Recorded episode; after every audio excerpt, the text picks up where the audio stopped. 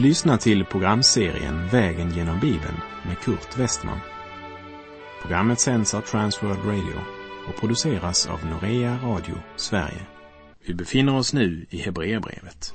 Slå gärna upp din bibel och följ med. Vi avslutade förra programmet med denna proklamation som står i Hebreerbrevet 13, vers 14. Ty här har vi inte någon stad som består, men vi söker den stad som skall komma. Och jag sa att det är viktigt vad vi riktar blicken emot. För den väg vi ser, den riktningen går vi också. Vi söker den stad som skall komma.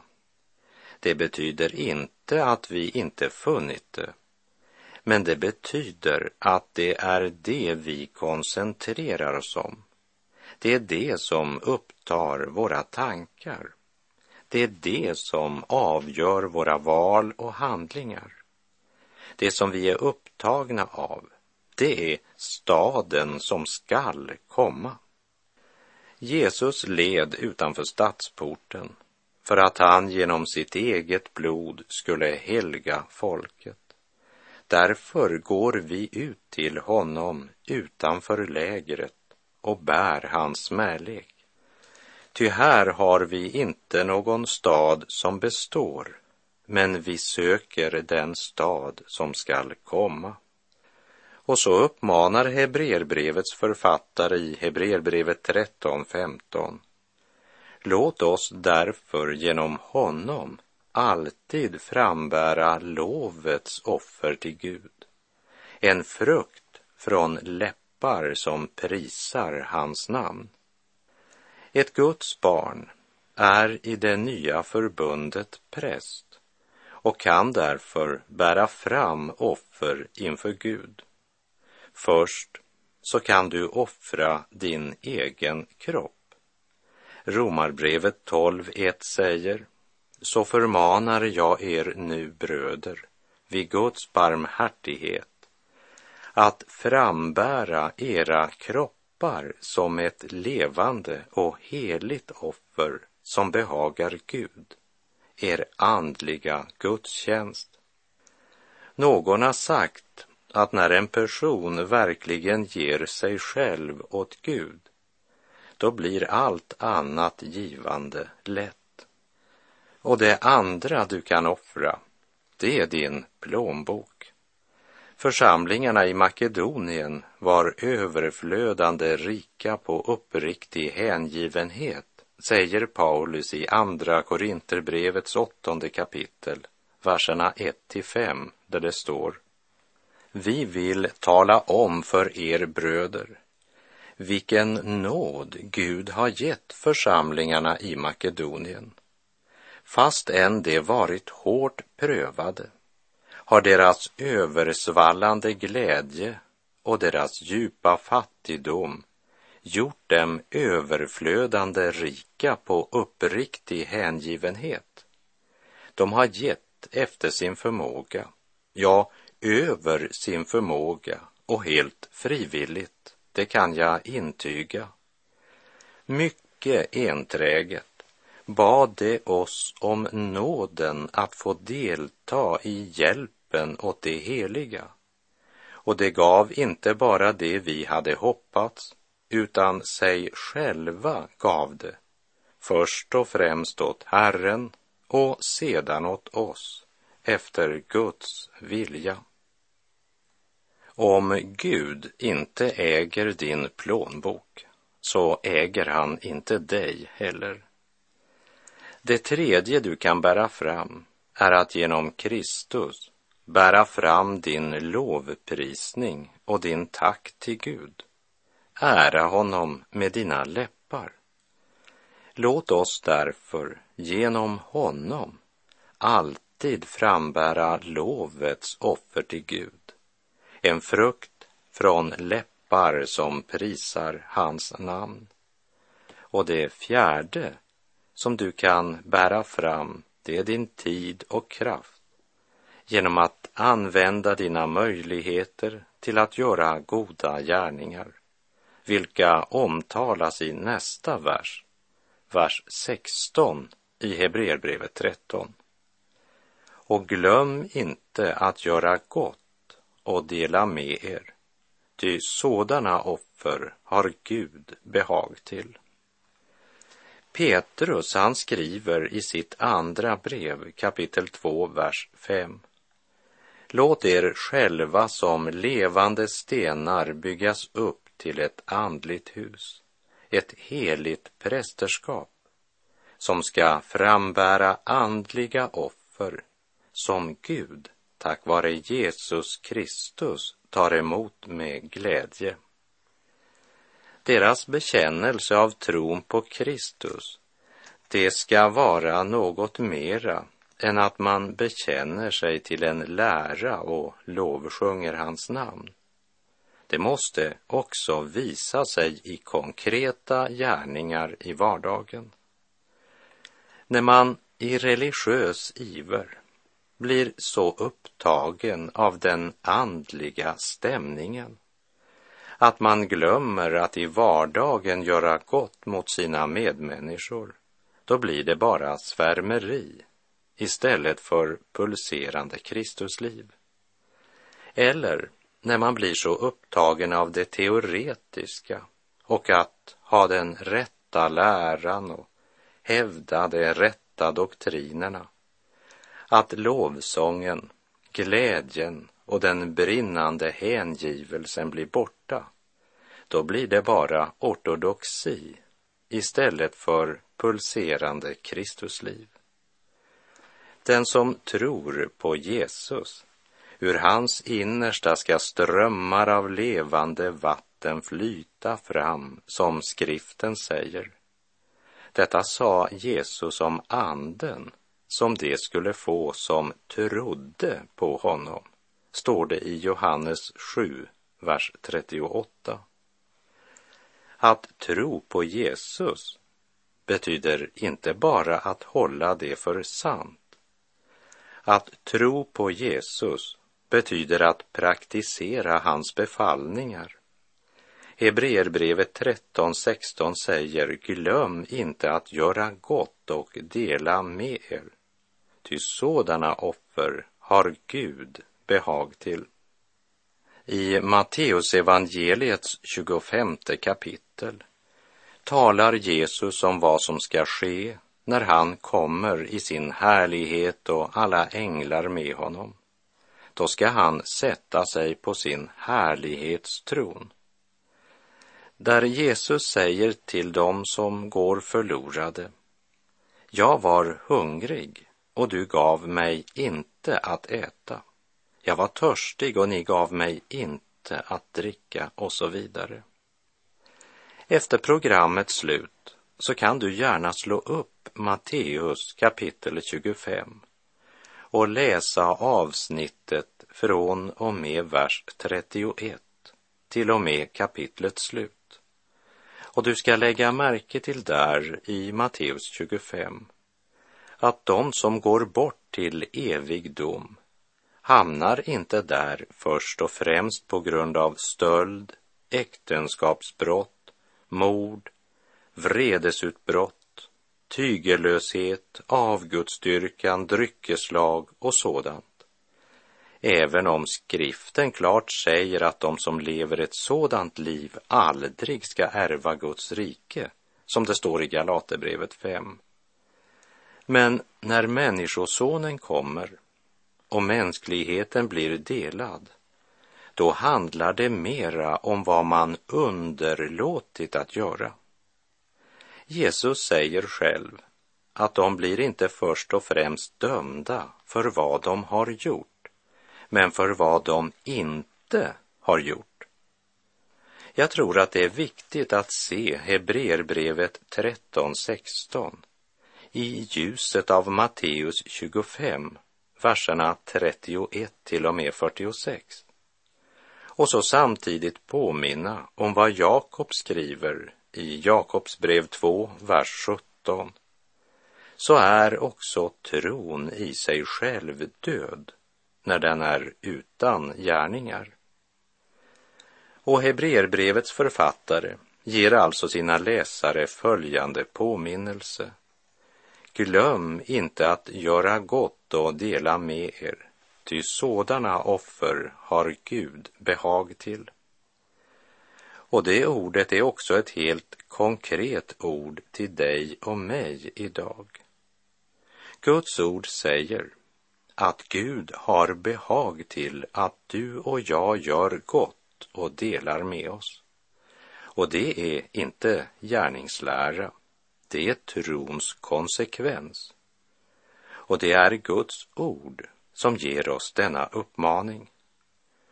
Vad konsekvens ska det få för dig och mig idag? Gör det lilla du kan och se icke därpå att så lite så ringa det är. Ty hur skulle du då väl med lust kunna gå dit din mästare sänder dig här? Gör det lilla du kan, lägg ditt hjärta där i, gör det allt för din frälsare blott. Och var viss att han skall icke döma som vi, blir det fråga om stort eller smått.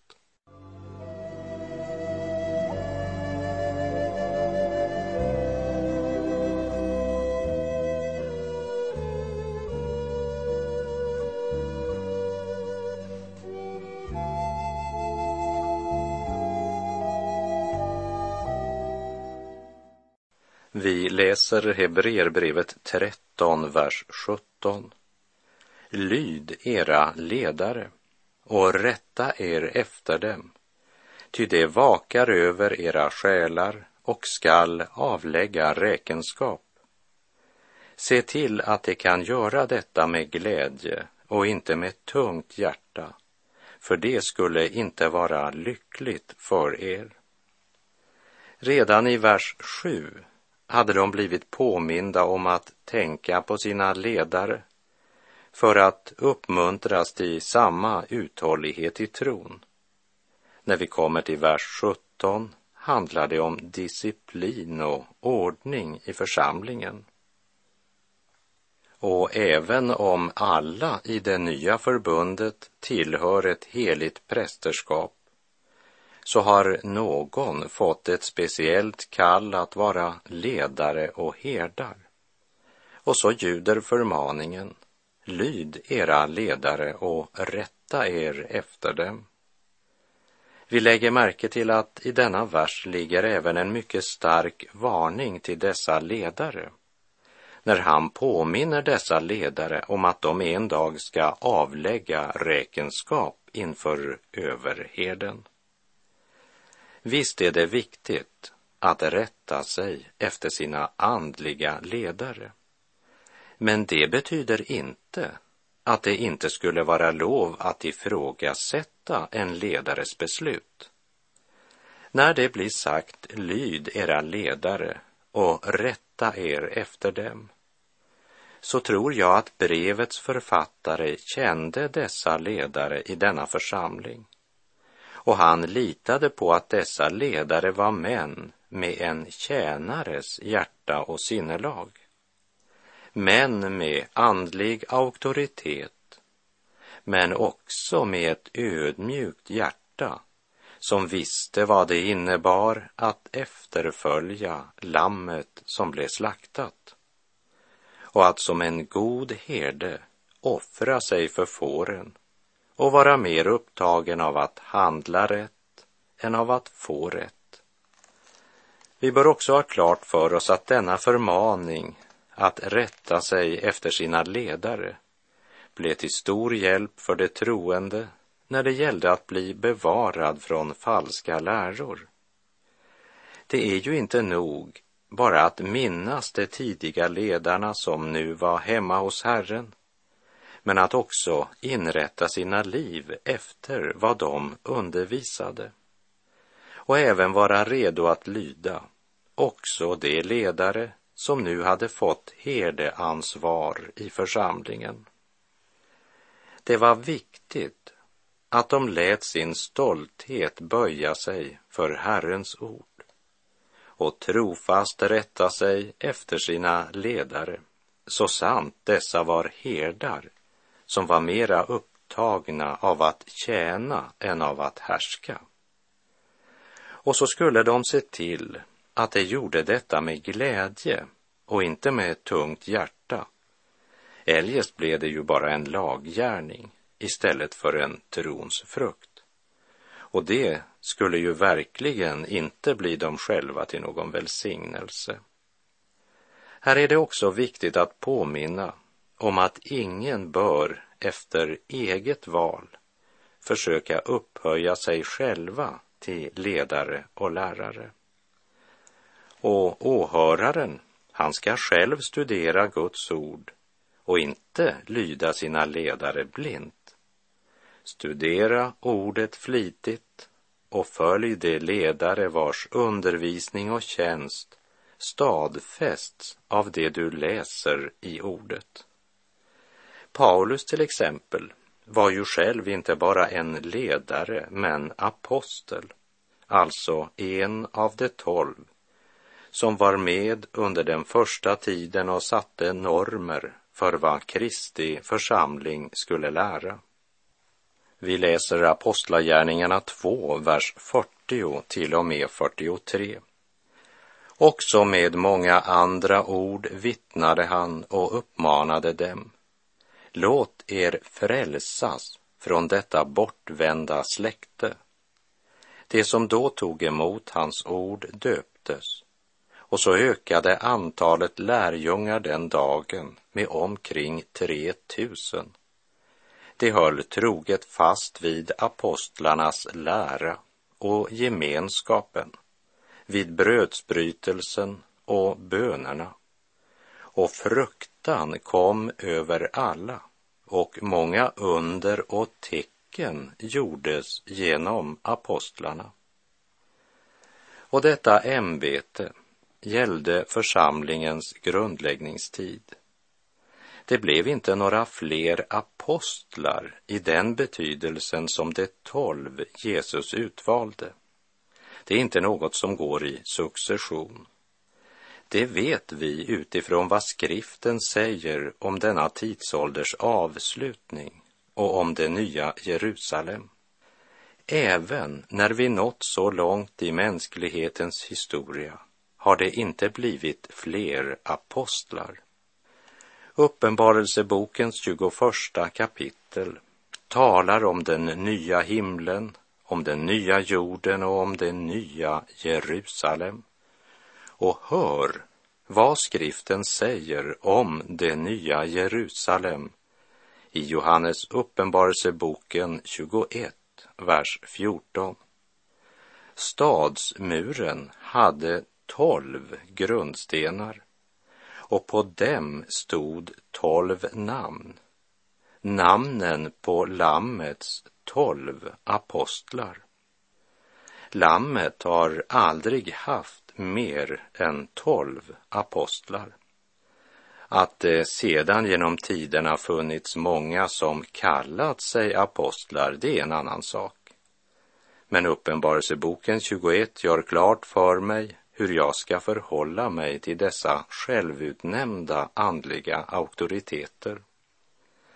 I sin bok Lammets tecken skriver Magnus Malm hur ska kyrkan kunna vara ett tecken på Guds rike i ett samhälle med närmast religiös dyrkan av makten i alla dess former, så länge vi antingen desperat klamrar oss fast vid vår egen makt i kyrkan eller kämpar lika desperat för att få den. Märker vi inte hur hela denna process oemotståndligt får kyrkan att segla in under de falska gudarnas sövande inflytande?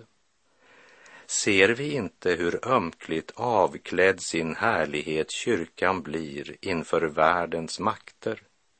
Kyrkofadern Johannes Chrysostomos har ett ord till oss alla idag.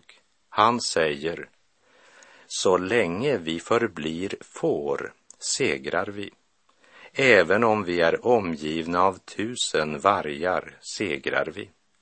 Men så fort vi blir vargar blir vi besegrade. Ty då förlorar vi skyddet från herden som inte mättar vargar utan bara får. Citatet är alltså hämtat från Magnus Malms bok I Lammets tecken. En bok som jag på det varmaste rekommenderar alla kristna att läsa. Korset är fortfarande Kristuslivets främsta symbol tillsammans med den tomma graven. Genom lidande till seger.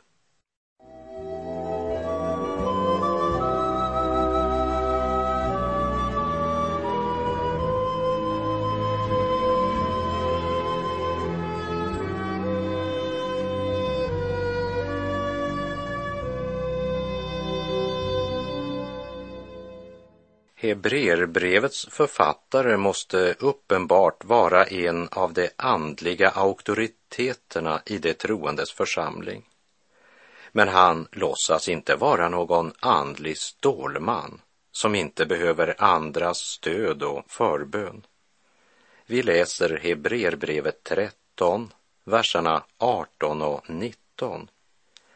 Be för oss vi vet att vi har ett gott samvete och vill på allt sätt handla riktigt. Så mycket mer ber jag er om detta för att jag fortare skall få komma tillbaka till er. Orden be för oss, det förutsätter att brevets mottagare kände både avsändaren och hans medarbetare vilket kan tyda på att det är någon av apostlarna som är avsändaren. Och personligen vill jag säga att jag anser det möjligt att det är Paulus, utan att jag med bestämdhet kan säga att det är han. Vem det nu än är, så är det ju väl värt att lägga märke till att hans vittnesbörd inte är i jag-form, utan han säger vi. Be för oss. Vi vet att vi har ett gott samvete. Han säger inte vi är felfria, men han säger att vi vet att vi har ett gott samvete. Det vill säga, vi har gjort upp med Gud och vi lever i ljuset. Och vi har viljan att göra våra gärningar i ljuset. Till det troende i Korint skriver Paulus i Andra Korinterbrevet 1.12. Vi kan med gott samvete berömma oss av att vi här i världen, och särskilt mot er, har uppträtt i helighet och renhet inför Gud och inte varit ledda av världslig visdom utan av Guds nåd. Och i brevet till sin unge medarbetare Timoteus så skriver han i Timoteusbrevet 1.5. Vad all förmaning syftar till är kärlek av ett rent hjärta, av ett gott samvete och av en uppriktig tro. Och vi läser vidare Hebreerbrevet 13, vers 20 och 21. Fridens Gud som i kraft av ett evigt förbunds blod har fört fårens store herde, vår Herre Jesus Kristus, upp från de döda.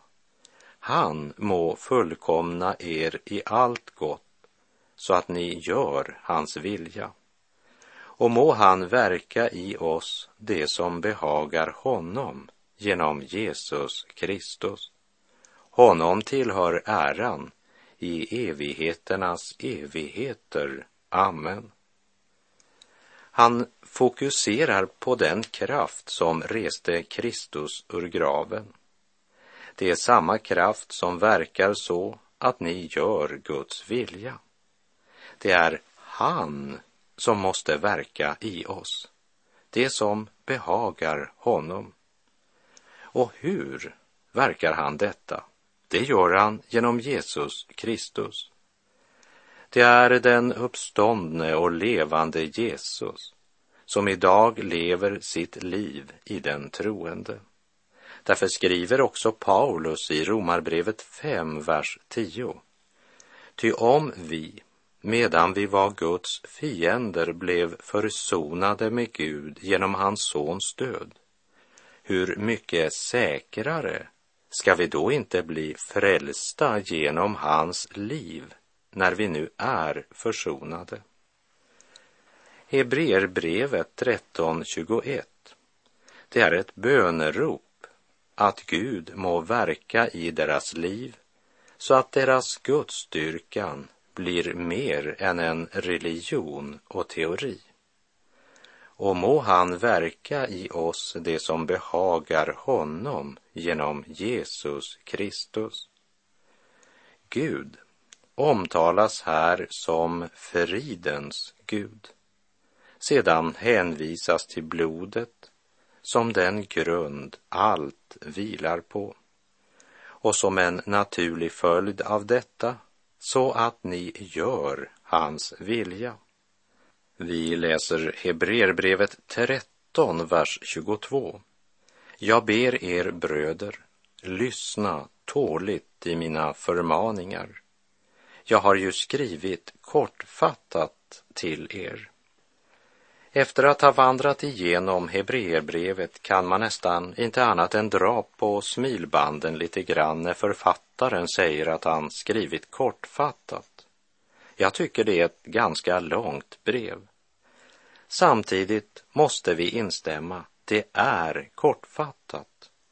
Med tanke på den andliga dimension som berörs och hur viktigt detta är för varje människa.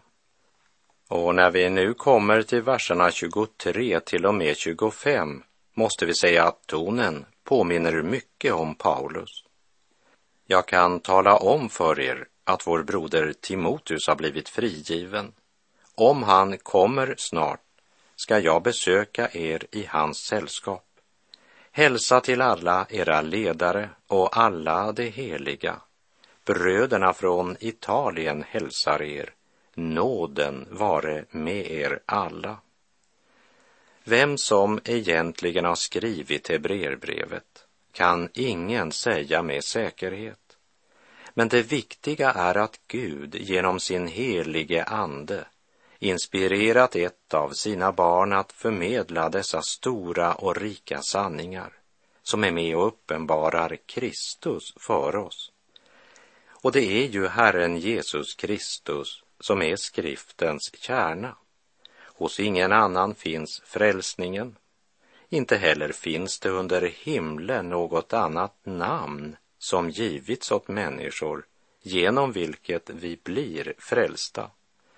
Men i Jesu namn finns syndarnas förlåtelse, glädje, frid och evigt liv. Den som tror på mig, säger Jesus, han ska leva även om han dör. Och med det så är vår tid ute för den här gången. Så ska vi i nästa program börja vandringen genom profeten Hosea bok. Sök Herren medan han låter sig finnas. Åkalla honom medan han är nära. Herren vare med dig, må hans välsignelse vila över dig. Gud är god.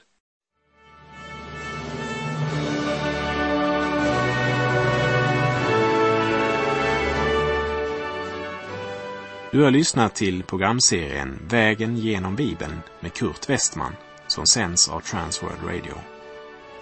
Programserien är producerad av Norea Radio Sverige. Om du önskar mer information om vårt radiomissionsarbete så skriv till Norea Radio Sverige, box 3419 103 68 Stockholm. Adressen är alltså Norea Radio Sverige box 3419. Postnumret 10368 Stockholm.